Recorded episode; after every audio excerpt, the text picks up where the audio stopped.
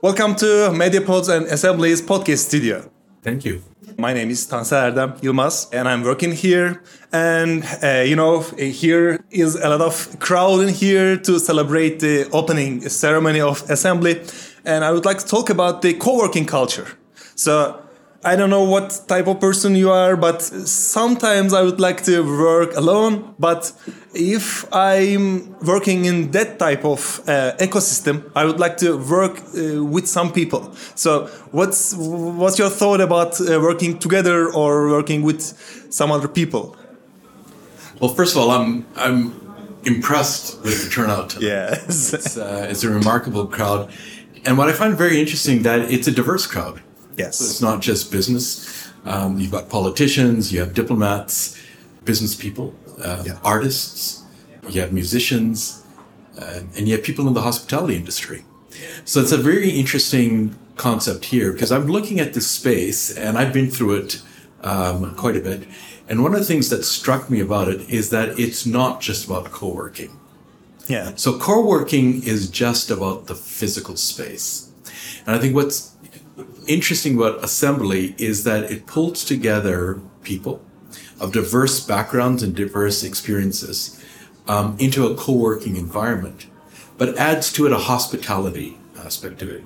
So all of a sudden, you're not just talking about co-working in space; you're talking about almost like a business club. Yeah, and getting people that are engaged with each other, maybe not in the same sector and the type of work that they do, but they're talking about their projects, their problems, and how they can solve them. So it's almost, you know, working in a.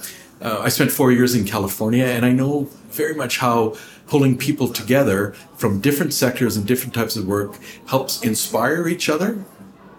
They problem solve together. They identify solutions. They may even identify projects, new projects, new clients. And I think that's the most interesting thing about being co working, that it goes beyond the physical space. So I think assembly is uh, certainly in Ankara. I've never seen anything like this, and I think the way the design concept and the way they pulled together is really quite remarkable. So you mentioned about inspire. I think it's the it's the most interesting keyword about assembly. So maybe you know when you are working some places, always the same people, always the same interests. So you said about artists, business person, some of them working for, for government. So you learn so much about working with this type of diversity. So you mentioned also about the you are the first time seeing Ankara, the place like that. So what is the value of that type of buildings in Ankara for for you?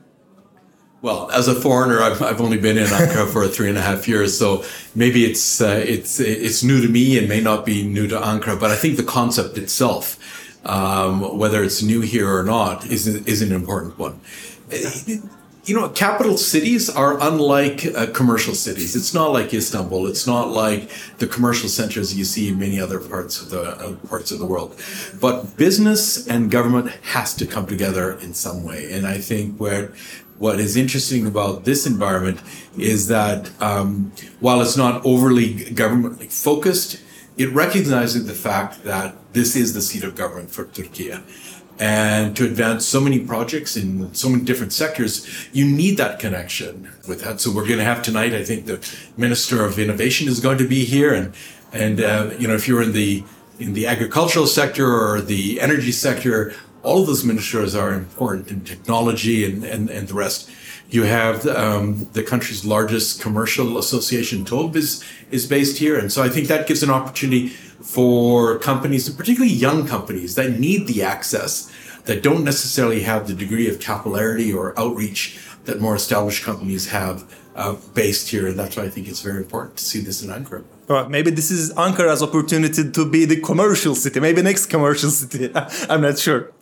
Well, it's an important city for sure, yes. and it's an important center in in Turkey. So uh, it doesn't have to be the next uh, city. I think it's this is such a big country with so many opportunities that you need more uh, nodes like this throughout the country. And I think the fact that um, there's already one in Istanbul, and now we find another one here in Ankara is is the best way to start. Well, thank you so much to be our guests. Hope to hope to enjoy today. Thank you very much for the invitation. I look forward to enjoying tonight. Thank you.